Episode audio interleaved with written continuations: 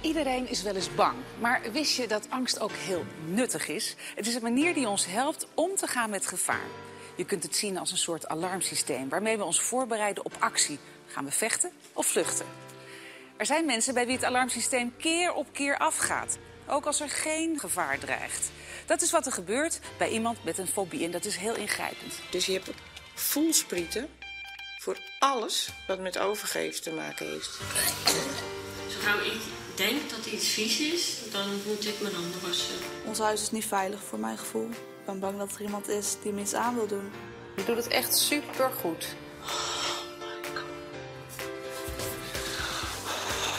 Uit onderzoek is gebleken dat ruim 3 miljoen mensen in Nederland minstens één keer in hun leven een angststoornis krijgen. Nee, dat doe ik even niet. Ik ben gewoon zo, zo bang. Irma is één van die mensen. Ze is bang om misselijk te worden en dat ze dan zal gaan overgeven. Nou, dat is een gevoel dat niemand prettig vindt, maar bij haar is de angst haar leven gaan beheersen. Irma is uren kwijt met het controleren of niemand ziek wordt en ze gooit voor duizenden euro's aan eten weg. Elke vakantie wordt afgebroken en iedere verjaardag, kerst of Sinterklaas wordt verpest door de angsten van Irma. Ze is uitgeput en ook intens verdrietig omdat ze haar vijf kinderen niet kan bijstaan als ze ziek worden. Wij zijn het eigenlijk een soort van normaal gaan vinden, maar dat is het natuurlijk niet. Het is gewoon kloten. Ik ben er zo druk mee in mijn hoofd dat ik gewoon merk dat ik moe ben... terwijl ik eigenlijk niet moe zou moeten zijn. En toch ben ik uitgeput. Irma die heeft last van eh emetofobie. Dat is dus eigenlijk gewoon, eh, plat gezegd, eh, angst om over te geven, om te kotsen. Mijn hoofd gaat een hele dag door met, met eh, observeren. Dus je hebt voelsprieten voor alles wat met overgeven te maken heeft. Dus ze googelt op internet of er, of er eh, virussen zijn, griepepidemieën en dergelijke. Social media is een belangrijk ding. Als daar dan staat eh, wat een rotnacht, mijn kinderen hebben vannacht overgegeven. Dan kijk ik meteen of dat niet in de buurt is eh, waar mijn kinderen in de klas zitten. Want het is voor mij natuurlijk echt een nachtmerrie als eh, het hele gezin het krijgt. Elke dag vragen de kinderen hoe ze zich voelen. Maar er heeft niemand pijn als zijn buik of dat hij misselijk is? Nee. Die jongens die denken al, eh, ik zeg maar niks meer tegen mijn moeder, want dan krijg ik dat gezeur weer.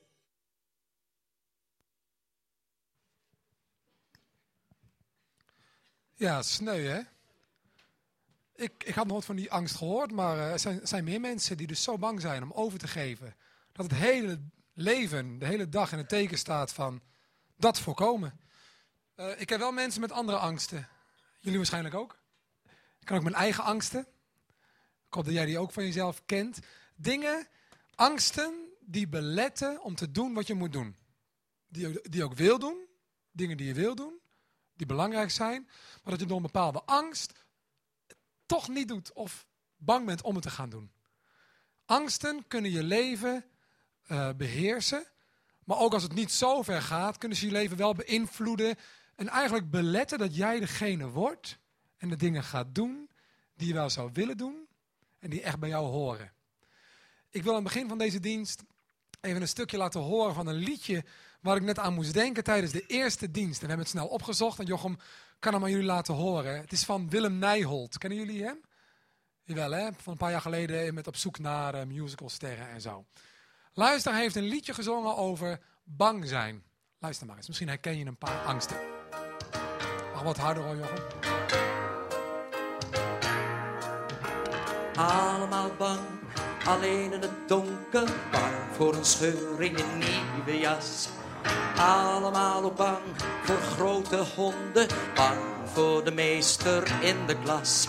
En ik was bang voor slechte cijfers, voor een beurt alleen voor het bord.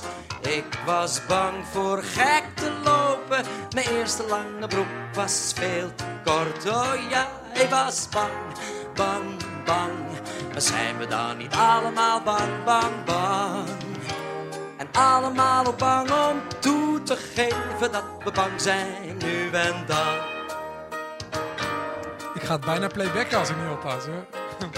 Maar luister nog even. Oh, wat was ik bang om hard te vallen.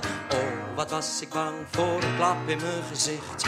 Oh, wat was ik bang te laat te komen. Altijd was geheid de deur weer dicht. En ik was bang om lief te hebben veel te bang om af te gaan.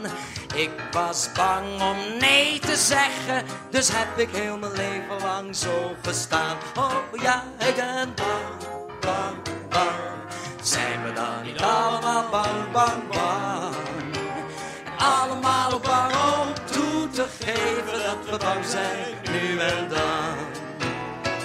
Ben wel eens bang om gek te worden, doodsbenauwd voor die allerlaatste knal.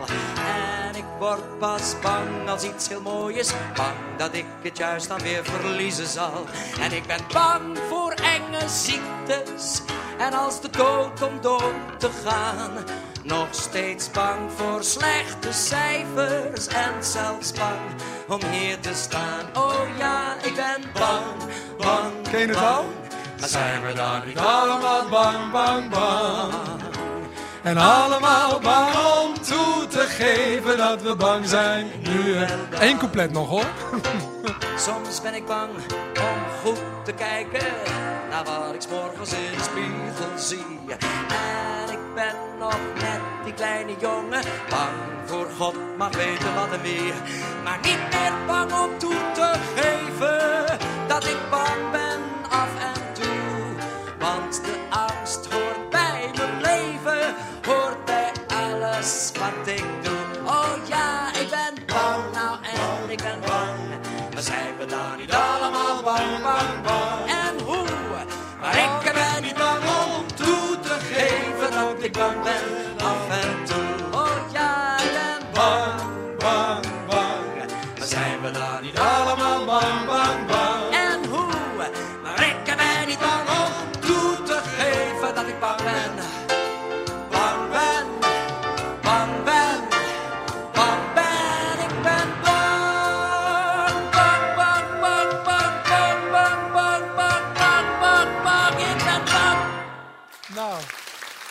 We gaan hem nog een keer draaien.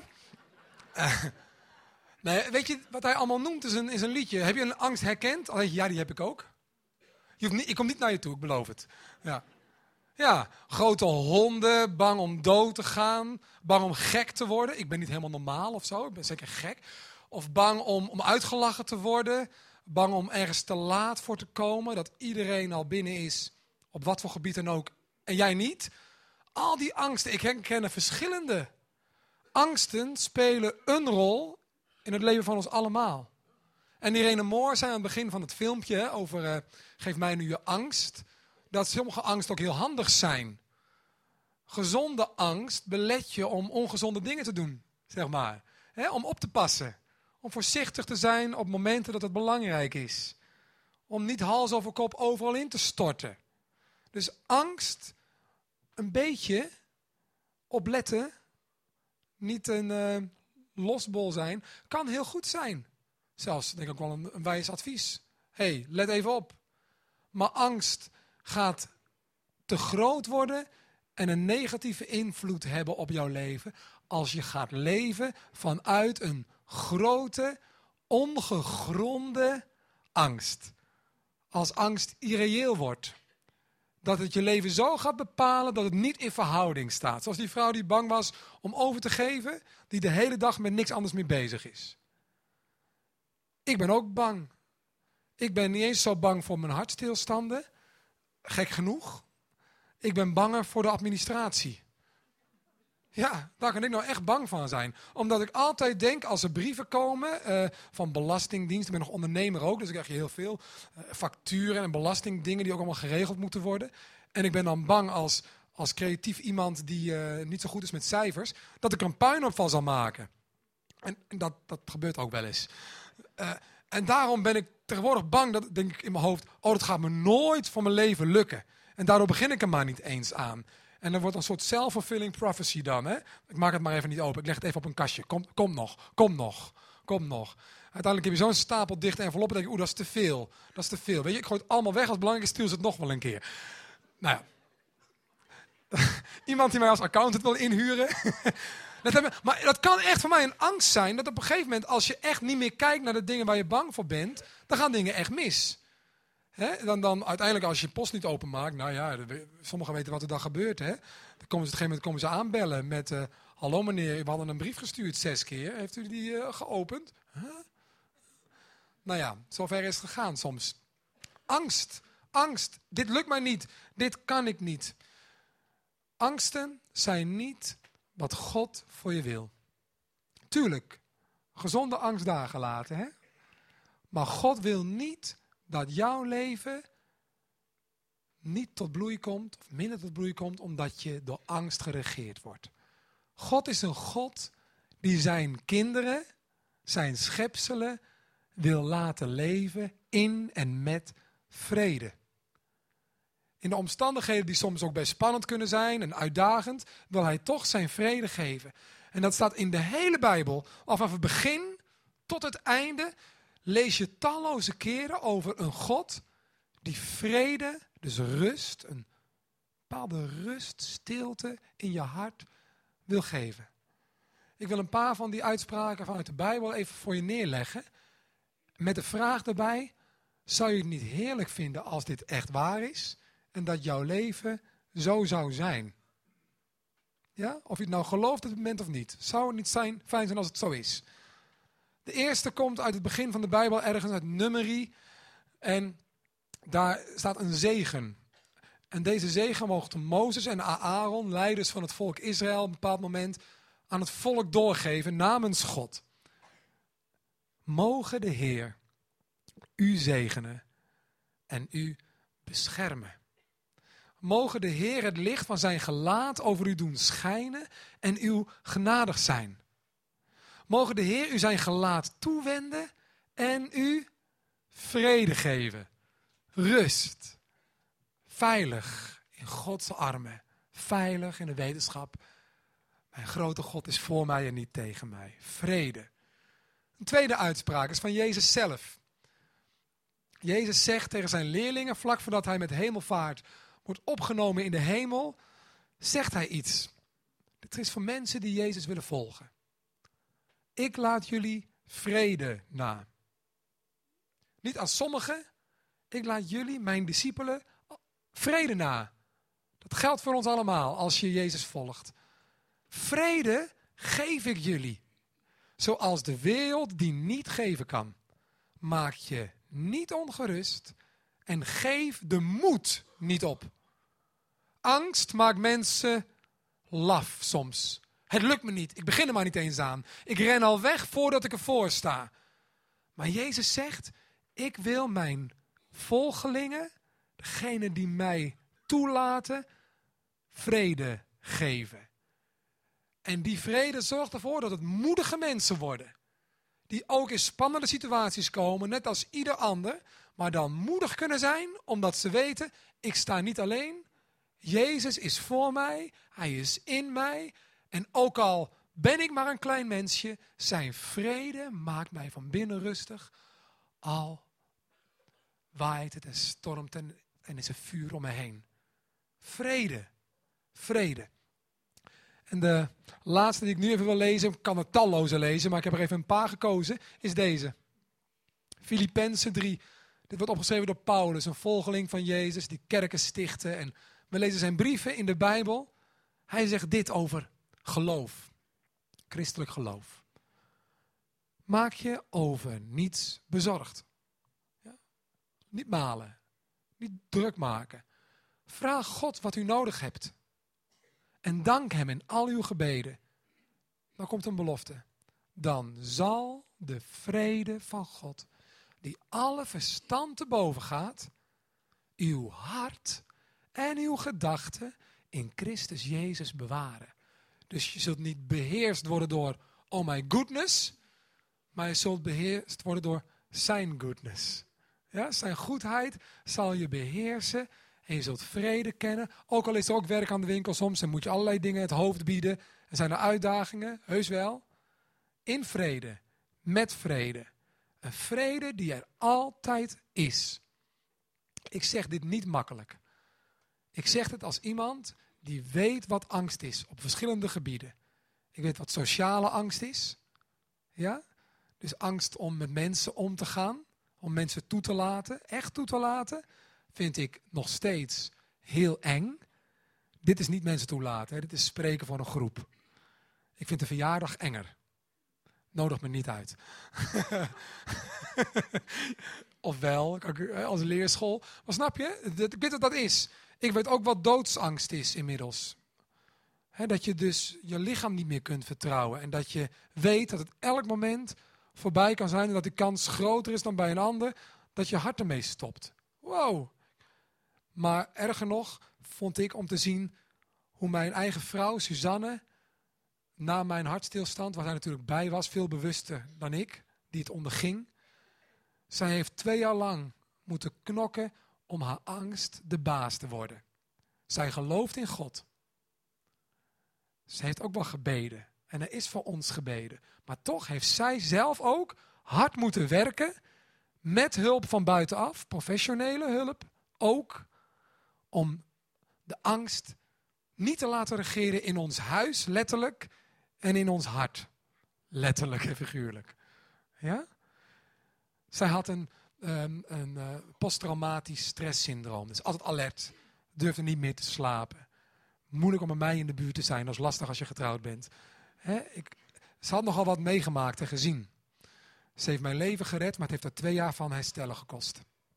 Ik ben haar heel dankbaar. En vandaag de dag kan ik zeggen dat Suzanne niet meer geregeerd wordt door angst. En daar heeft ze heel hard voor gewerkt. En daar ben ik trots op. En tegen jou wil ik zeggen, als bij jou de angst voor wat of wie dan ook zo groot is geworden, dat het je leven is gaan beheersen, dan daag ik je uit om niet alleen te geloven en het bij God neer te leggen, maar ook zelf aan het werk te gaan en hulp te zoeken als het nodig is, om samen te knokken voor een vredevol leven. Dat is niet alleen iets van bidden en zo werkt het niet. Dus het is werken. En vandaag krijg je een paar concrete handvatten hoe je je angsten, of ze nou heel groot zijn of wat kleiner en sommige situaties ineens oppoppen, hoe je die de baas kunt worden. Hoe je die leert herkennen en ontmaskeren en overwinnen. Ja? Angst kan niet blijven bestaan in het hart van mensen die God de volledige toegang hebben gegeven. Angst verliest het van God. En het kan langer duren, snel gaan, maar angst verliest het van God. Altijd. Dat heb ik vaak gezien. Maar er zijn een paar zaken die de vrede van God, de rust van God, een halt toe kunnen roepen in je leven. Vredeverstoorders. Ik geef je er een paar. Deze heb ik uit het boekje van Bill Hybels dat we behandelen in de diensten. Vereenvoudig je leven. We hebben ook de serie naar uh, het boek vernoemd. Dus als je het na wil lezen, veel van wat ik zeg kan je ook gewoon in dit boek terugvinden. De vredekillers, een paar. Vijanden van vrede. Ik heb hem bovenaan gezet. Misschien niet helemaal toevallig. Een financiële druk. Ja, administratie, bang voor tekorten, red ik het wel, ik, ik snap niet meer hoe het zit. Oh, oh, oh. Financiële druk. Zet gezinnen op spanning, zet relaties op spanning en kan iets zijn waar, je niet van kunt slapen. Financiële druk. Twee, gebroken relaties. Of relaties die niet lopen op een of andere manier. Neemt de vrede weg. De dingen die je tegen elkaar hebt gezegd, waar je spijt van hebt, die je niet opgelost hebt. In een familie of in je vriendenkring of in je eigen gezin. Gebroken relaties of relaties onder druk, ze komen ook aan bod in deze serie, nemen de vrede weg. Ook al geloof je honderd keer in God, als je dit toelaat in je leven, neemt het je vrede weg. Drie, onverwacht slecht nieuws. Heb je daar ervaring mee? De telefoon gaat, je zegt heel vrolijk, hallo, en je krijgt iets ergs te horen. En je denkt, oh, Vijf minuten geleden wist ik dit nog niet en was ik vrolijk. En nu is alles anders. Alles is anders. Ik heb het niet in de hand. En ik moet alles, van alles gaan regelen. Iemand is overleden. Of, of, of, of op je werk ehm, is er een speciale vergadering, want het gaat niet goed. Of wat dan ook. Hè? Onverwacht slecht nieuws. Wegvrede. En het komt dan vooral omdat je denkt, ik had het onder controle, dacht ik. En nu heb ik niks meer in de hand. En hoe zou het gaan? Ik ben overgeleverd. Vier, morele overtredingen. Dus als je dingen doet die fout zijn, waarvan je ook weet die zijn fout, maar je lost het niet op. Je brengt het niet in het licht. Het sluimert en het sluipt. Weg vrede. Weg vrede met God als je een christen bent. Weg vrede met mensen ook. Weg vrede met jezelf. Ook al ben je geen christen, als je de principes van Christus overtreedt, als je de geboden van God overtreedt, dan zul je merken dat je onrustig en ongelukkig wordt. Misschien weet je helemaal niet hoe het komt. Nou, dat komt omdat je als mens geschapen bent om in vrede met God te leven naar zijn principes. Dus God heeft goede principes voor ons. Maar als we overspel plegen, als we liegen en bedriegen, als we een dubbel leven leiden, als we mishandelen enzovoort, hè, dan leven we in morele overtreding. En dan zullen we geen vrede kennen zelf. En de laatste, het, het bewust worden van een onvermijdelijke dood. Nou, dat is voor ons allemaal, hè? De dood is onvermijdelijk voor ons allemaal. Mensen zeggen vaak tegen mij als ik ze spreek: Nou, Martin, wat fijn dat jij er nog bent. en dan zeg ik: En wat fijn dat jij er ook nog bent. En dan zeggen ze: Ja, maar, ja, maar ik ben niet ziek. Ik zeg: Hoe weet je dat? nou, dat zeg ik dan niet. dat, dat maar dat denk ik dan wel eens. Van hoe weet je dat? Dat weet je helemaal niet. Misschien heb je, wel, heb je ook wel een hartziekte. Ik wist het ook niet voor mijn 33ste. En, en wie, weet, wie weet wat jou allemaal overkomt vandaag of morgen. Als je erbij stil gaat staan, word je gek. Uh, misschien van angst. En sommige mensen komen op een dag in aanraking met... Oh, ik ben echt sterfelijk. En hoe zou het gaan? En hoeveel tijd heb ik nog? En wat wil ik allemaal nog doen? En heb ik dan wel gedaan wat ik wilde? Alles eruit gehaald? Of zal ik misschien lijden? Hoe zou ik sterven? En het kan een grote angst voor mensen worden. Naarmate ze ouder wordt, worden natuurlijk nog meer, omdat het dichterbij komt. Maar sommige jonge mensen hebben er ook al last van. Kennen jullie Floortje Dessing? Zo heet het toch, Floortje Dessing, die de wereld om reist en die reisprogramma's. Die is ernstig ziek geweest. Hè? En tijdens een van haar reizen was het echt kantje boord hersenvliesontsteking.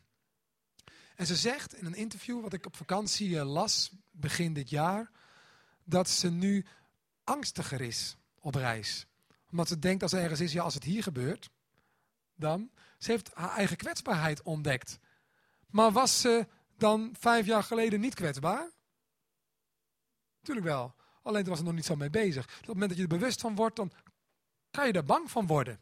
Een paar vredekillers. Nou, die laatste, die onvermijdelijke dood. God wil je daar vrede over geven. Financiële druk, gebroken relaties, morele overtredingen, die drie, waar je vaak ook dingen zelf niet goed hebt gedaan of niet goed doet op dit moment, daar wil God je overwinning schenken. Als je je bekeert, dingen goed gaat maken, als je je problemen in de ogen gaat kijken en aan gaat pakken. En dat onverwachte slechte nieuws, ook in die situaties wil God je vrede geven. Je bent niet gemaakt, zoals ik al zei, onrust. Het is mogelijk om vrede, shalom van God in je en bij je te hebben. Altijd. En Jezus zei, dat is een vrede die de wereld niet geven kan. Op geen cursus ga je die vinden, in geen boek ga je die ontvangen. Dat is een vrede die Hij jezelf geeft als jij je leven overgeeft aan Hem. En je huiswerk gaat doen in het vrijhouden van je huisje. De stap, uh, je eigen stappen ook. Er zijn een paar stappen. Een paar stappen die ik je concreet mee wil geven. Als jij denkt, ik ben bang voor sommige dingen en het houdt me tegen. En ik doe niet wat ik moet doen en wat ik wil doen, omdat ik gewoon bang ben. Ik zou willen zingen en ik kan goed zingen, maar ik durf het niet. En ik ben bang als ik ga solliciteren dat ik niet aangenomen word. Dus ik verprut het elke keer. Alleen omdat ik van tevoren al bang ben en zo zenuwachtig word dat. Een soort self-fulfilling prophecy. Of ik ben bang, enzovoort, enzovoort, enzovoort. Als het mooi is in mijn leven, dat ik het kwijt zal raken. En daardoor durf ik me niet te geven in een relatie. En gaat het alsnog mis. Enzovoort. Hè. Ik ben bang om mensen dichtbij te laten komen. Want ze kunnen me kwetsen. Er zijn stappen om vrij te worden. Ik ben bang om te reizen. Ik ben bang om te vliegen. Ik ben bang, enzovoort, enzovoort. De volgende stappen wil ik je doorheen praten. Stap 1, als jij ergens bang voor bent, is dit. Ontdek waar die angst begonnen is.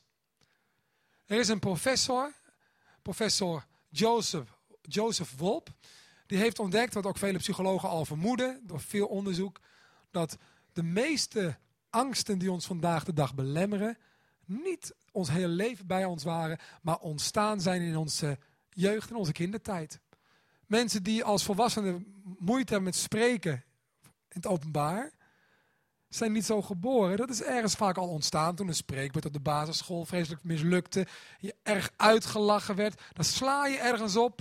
Dit is naar, dit moet ik zien te voorkomen, dit nooit meer. Ja, dat gaat dan in je rugzak en neem je mee. Mensen die ooit vreselijk gedumpt zijn na overspel of wat dan ook, zullen bij een volgende relatie dat weer meenemen. Alles wat je meemaakt gaat zich ergens vastzetten in je systeem. Maar het is niet reëel dat alles wat in jouw toekomst gebeurt net zo zal gaan zoals het toen in het verleden misging. Het is niet reëel, maar toch handel je daar soms wel naar. Ik ken een vrouw, of ik heb haar gekend moet ik zeggen, want twee weken geleden sprak ik op haar begrafenis. Die nooit buiten kampen kwam. Weet je waarom niet? Ze was bang om auto te rijden.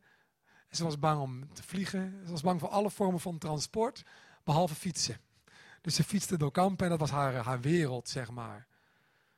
Ik heb er nooit met haar echt in detail over gehad, maar ik weet bijna zeker, als je teruggaat, vind je vast een moment waar ze iets gezien heeft op het journaal over een vreselijk ongeluk. Of ze heeft iets meegemaakt in de auto. Of er is iets gebeurd of moeder zei, nou dat autorijden wordt nog een mijn dood. Dat ze als kind dacht, oh wacht even, dat moeten we niet hebben. Um, teruggaan waar het begonnen is. Dus a little bit of soul searching. Niet te lang en niet alleen maar, maar wel af en toe even naar binnen kijken. Waar is dit begonnen? Waarom ben ik nou zo bang hiervoor? Durf eens goed te kijken. En soms is het vervelend, want je ontdekt nare dingen en doet wat pijn en brengt nare herinneringen boven. Maar in sommige gevallen, als dingen niet te groot zijn, doe het dan zelf. als het te groot wordt en te pijnlijk, doe het dan samen met een hulpverlener. Maar ga terug. Hoe kan dit nou? Wat is de bron van deze angst? Stap 2. Breng de leugen van de angst aan het licht. Met andere woorden, als ik bang ben dat. Nou, laat ik het dicht bij huis houden. Als ik bang ben dat elke keer als ik een korte nacht heb gehad, ik een hartstilstand krijg. Ja? Dan, dan, durf ik, dan kan ik mijn werk niet meer doen. Ik ben vaak s'avonds laat, of we hebben, we hebben jonge kinderen, kan ik Suzanne nergens mee helpen s'nachts. Dan zal heel veel van wat ik nu doe en wie ik ben onmogelijk worden. Omdat soms in mijn leven een kortere nacht als jonge ouder hoort gewoon bij. En de dokters hebben ook tegen me gezegd, Martin, het is niet zo dat als jij een korte nacht hebt gehad, dat je dan een hartstilstand krijgt. Dat is niet zo. Statistisch gezien is dat niet zo. Dus, als ik alleen maar om de reden dat het twee keer gebeurde na een korte nacht, voortaan nooit meer een korte nacht durf te hebben, ja, geef ik toe aan een irreële angst. Ja? En als jij denkt, elke keer als ik een vriendschap aanga, dan word ik waarschijnlijk toch weer aan de kant gezet of blijft het niet goed, want dat is irreëel. Dus kijk goed. En wat geloof ik nou eigenlijk? En is dat de waarheid? Is dat redelijk om dat te denken? Ik durf niet te vliegen, denk jij misschien. Maar is dat reëel? Kijk eens naar de statistieken. Hoeveel vluchten stijgen erop? Hoeveel storten er neer? Of hoeveel ongelukken gebeuren er? Hoe groot is nou die kans? Is het reëel om daar zo bang voor te zijn? Dus kijk nuchter ook. En breng de leugens aan het licht. Als het tien uur is en jouw partner zou om negen uur thuis zijn of bellen of zo. Het is nog niet gebeurd. Kan je denken, oh verraad, oh tragedie, ongeluk of, of overspel. Wow, grote dingen. Is dat reëel en waarom denk je dat? Breng de leugens aan het licht. Ja? Stap 3. Zie je angst onder ogen en ga de strijd aan. Kijk, als ik mijn angsten in de ogen zie, kan ik twee dingen doen. Ik kan zeggen, oh, nu zie ik de bron van mijn angst. Ik ben bang voor dit en dat en dat. Wow.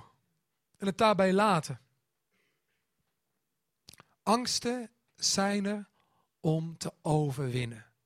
En dat is ook een gevecht dat je mentaal ook zelf aan moet willen gaan.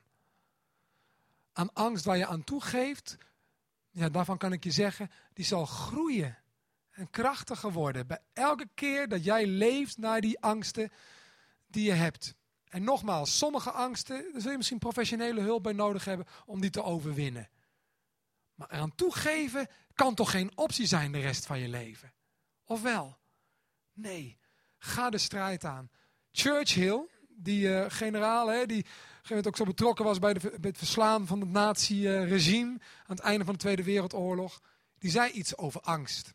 En oog in oog staan met iets waar je bang voor bent. Hij zei, de neiging die ik heb als ik bang ben, is om mijn rug te keren naar het gevaar en te vluchten. Maar als ik mijn rug keer naar hetgene waar ik bang voor ben, dan verdubbel ik het gevaar. En komen soms ook de dingen uit waar ik bang voor ben. Ja, dat geldt bij de meeste situaties zo.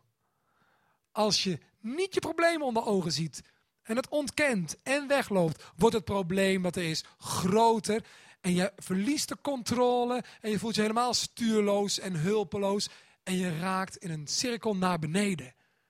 Maar Churchill zei daarbij, wat ik dus doe of wil doen, als ik gevaar zie en bang ben, voelen we dan? Ik kijk het in de ogen en ik doe iets. Ik doe iets. En daarmee verminder ik op dat moment al het gevaar met misschien wel de helft. Als ik mijn rug toekeer, wordt het groter. Als ik het aankijk en ik ga wat doen, dan wordt het kleiner. Wordt het kleiner. Eleanor Roosevelt zei, tijdgenoten zo'n beetje, ik moet elke dag mijn angsten onder ogen zien en dingen doen waarvan ik denk dat ik ze niet kan. Dingen doen waarvan ik denk dat ik ze niet kan. Ik heb inmiddels mijn administratie met hulp redelijk onder controle. met hulp. Maar ik moest het onder ogen zien. Ik had er geen zin in en ik was er bang voor.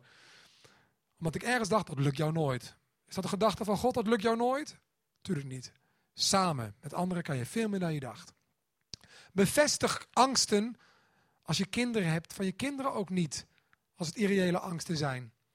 Mijn zoontje is drieënhalf. En die heeft sinds we terug zijn van vakantie twee ja, angsten van ik denk, waar komen die nou vandaan?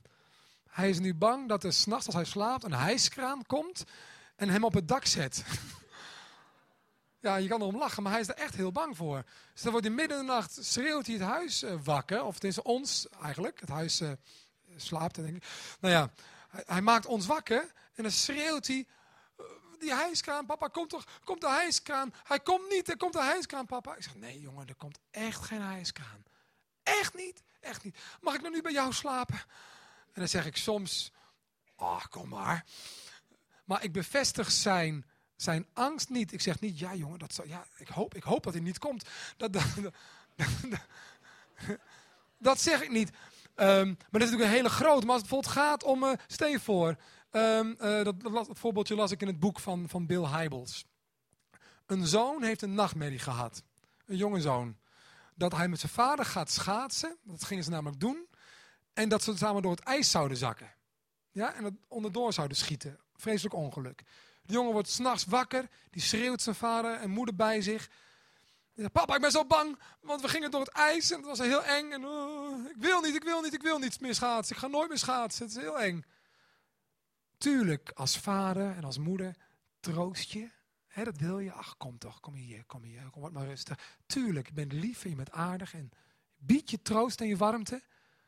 Maar als de dag erna komt en je zou gaan schaatsen, zijn er misschien sommige ouders die denken, ja, hij is nu gewoon een beetje bang voor het schaatsen. En hij wil niet op het ijs, terwijl het ijs echt zo dik is, het moet makkelijk kunnen. Maar hij wil niet, hij is gewoon even bang. Weet je wat, misschien durft hij volgende week wel. Bill Hybels zegt, nee, ouders, ik heb die les van hem aangenomen. Bevestig niet de angst. Neem die jongen mee naar het ijs. Ga als vader eerst of als moeder eerst zelf op het ijs staan. Laat zien dat het lukt. Geef hem je hand en nodig hem uit in mijn kleine stapjes het ijs op te gaan. Twee dingen zullen gebeuren. Hij zal ontdekken, niet elke angst is reëel. En zijn vertrouwen ook in jou als vader zal toenemen. Want papa ging niet mee in de angst. Papa hielp mij om de angst te overwinnen. Ga de strijd aan met angsten.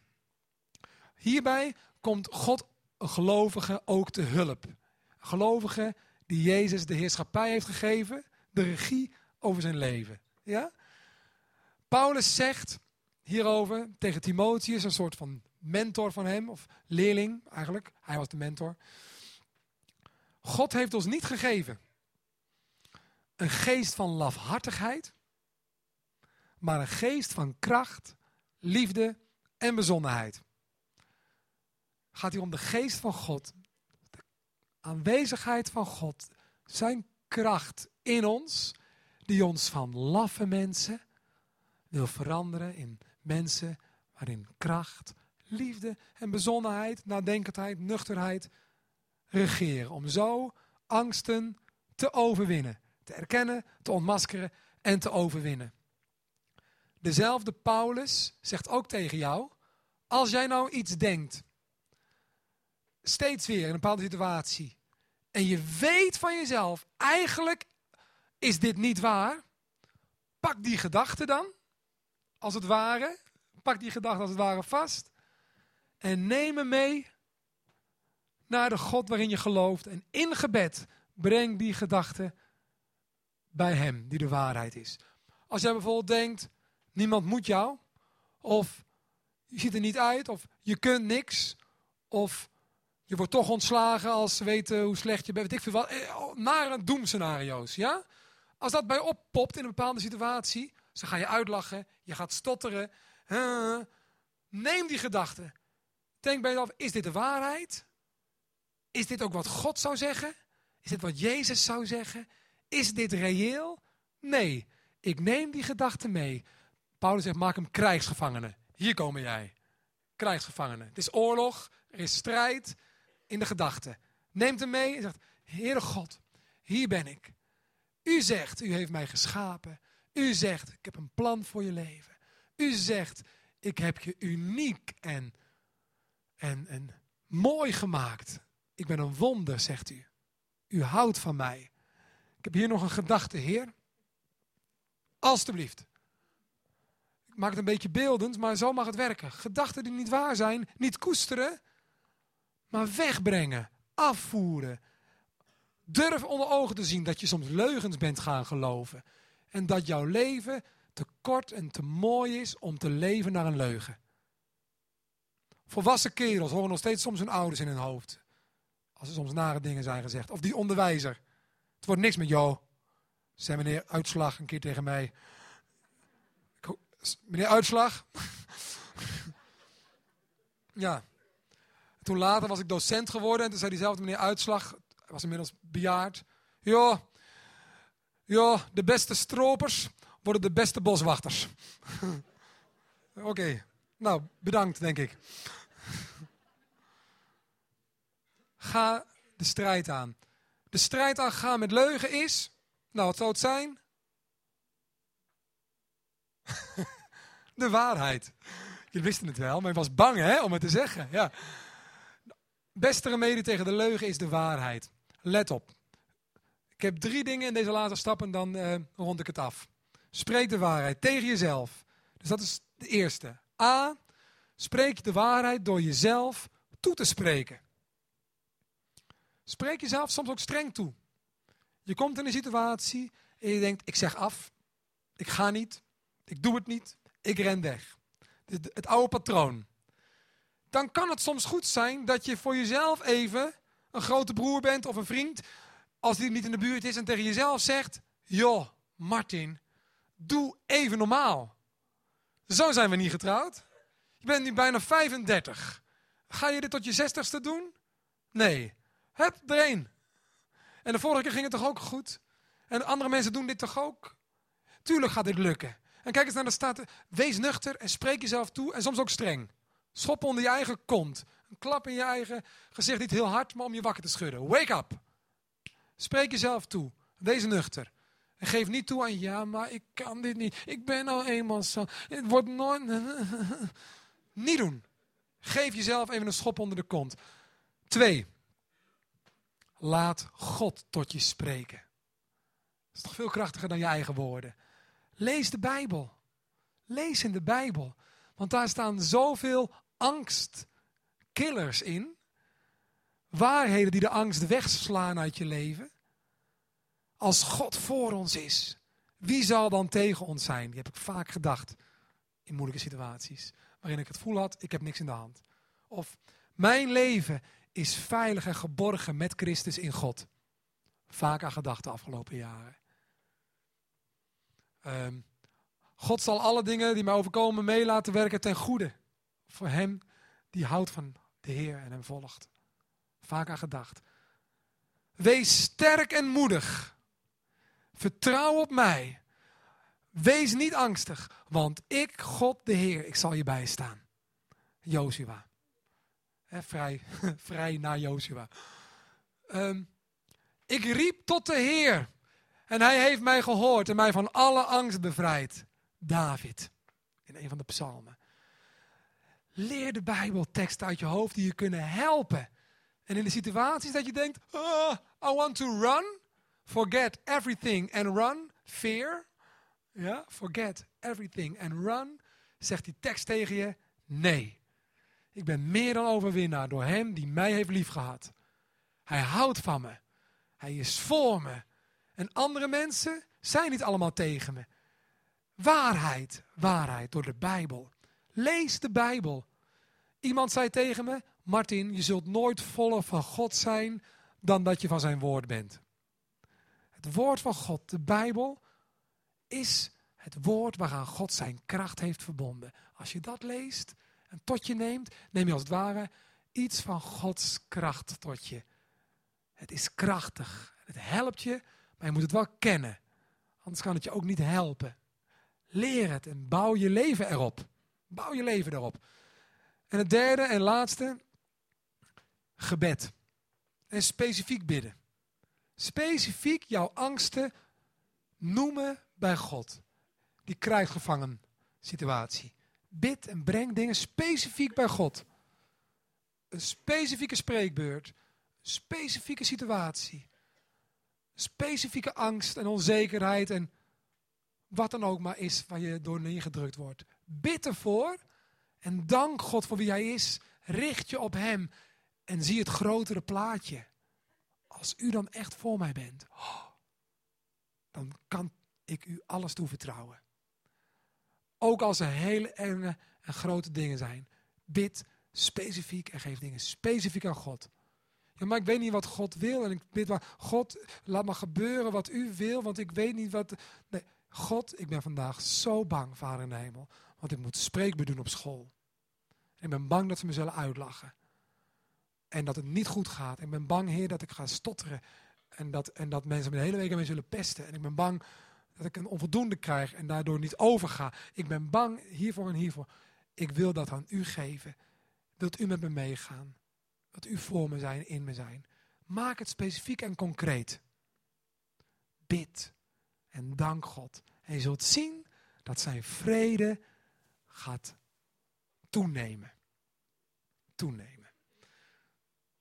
Het zal gaaf zijn als fear, ik had net die afkorting gebruikt, forget everything and run. Ja, fear. Iets anders zou kunnen gaan betekenen in jouw leven. Dit is wat angst nu in mijn leven betekent. En ik zei al, ik heb er een aantal moeten beknokken. En dit is wat ik nu doe. Met vallen en opstaan, moet ik eerlijk zeggen. Face everything. And rise. Ja? Niet run, rise. Opstaan. Rechtdoor. Niet alleen. Samen.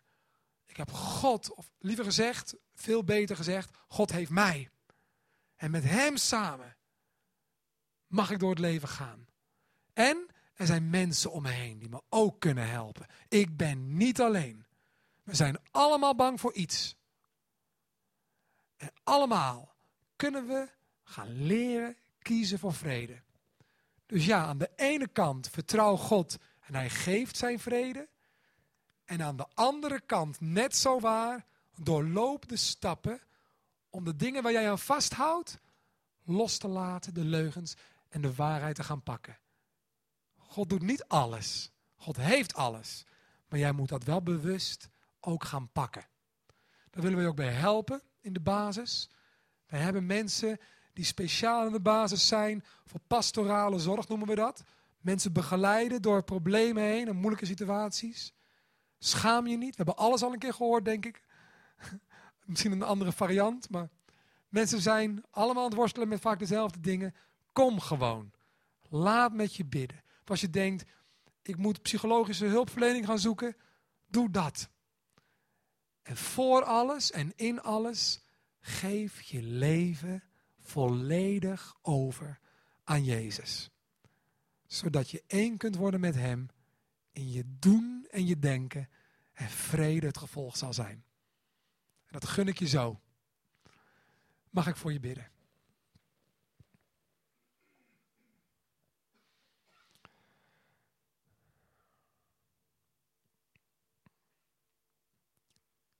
Vader in de hemel.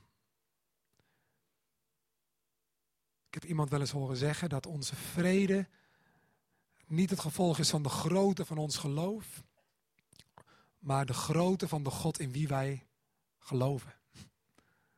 Soms twijfelen we zo. Soms klinkt de angst zo hard. Soms horen we uw stem niet meer of hebben we die nog nooit gehoord. En zijn we de hele dag bezig met doemscenario's. Ik wil u danken voor uw wijsheid. Ik wil u danken voor het boek dat ik gelezen heb, waarin zo duidelijk staat dat vrij worden van angst en uitstrekken naar vrede ook een gevecht is. Een gevecht kan zijn voor sommigen. En ik bid voor de mensen hier die al lang hebben toegegeven aan angst en onrust en stress en passiviteit, dat jullie op zullen staan. En dat jullie actief de strijd aan zullen gaan, de mentale strijd, om ja te zeggen tegen waarheid en nee te zeggen tegen leugen. En stap voor stap al die gedachten krijgsgevangen te maken die jou vast hebben gehouden. En nieuwe gedachten van God ruimte zullen krijgen in je leven. Hoopvolle gedachten, vol van leven, vol van liefde, vol van kracht. En weet, God is voor je, God is niet tegen je. God wil je zegenen en helpen. En jij hebt ook keuzes te maken. En God zal er zijn. Durf hem te vertrouwen. En zet die stap. Wees niet trots. Of onzeker. Maar kom zoals je bent. Dat vraag ik in Jezus' naam. Amen. Amen.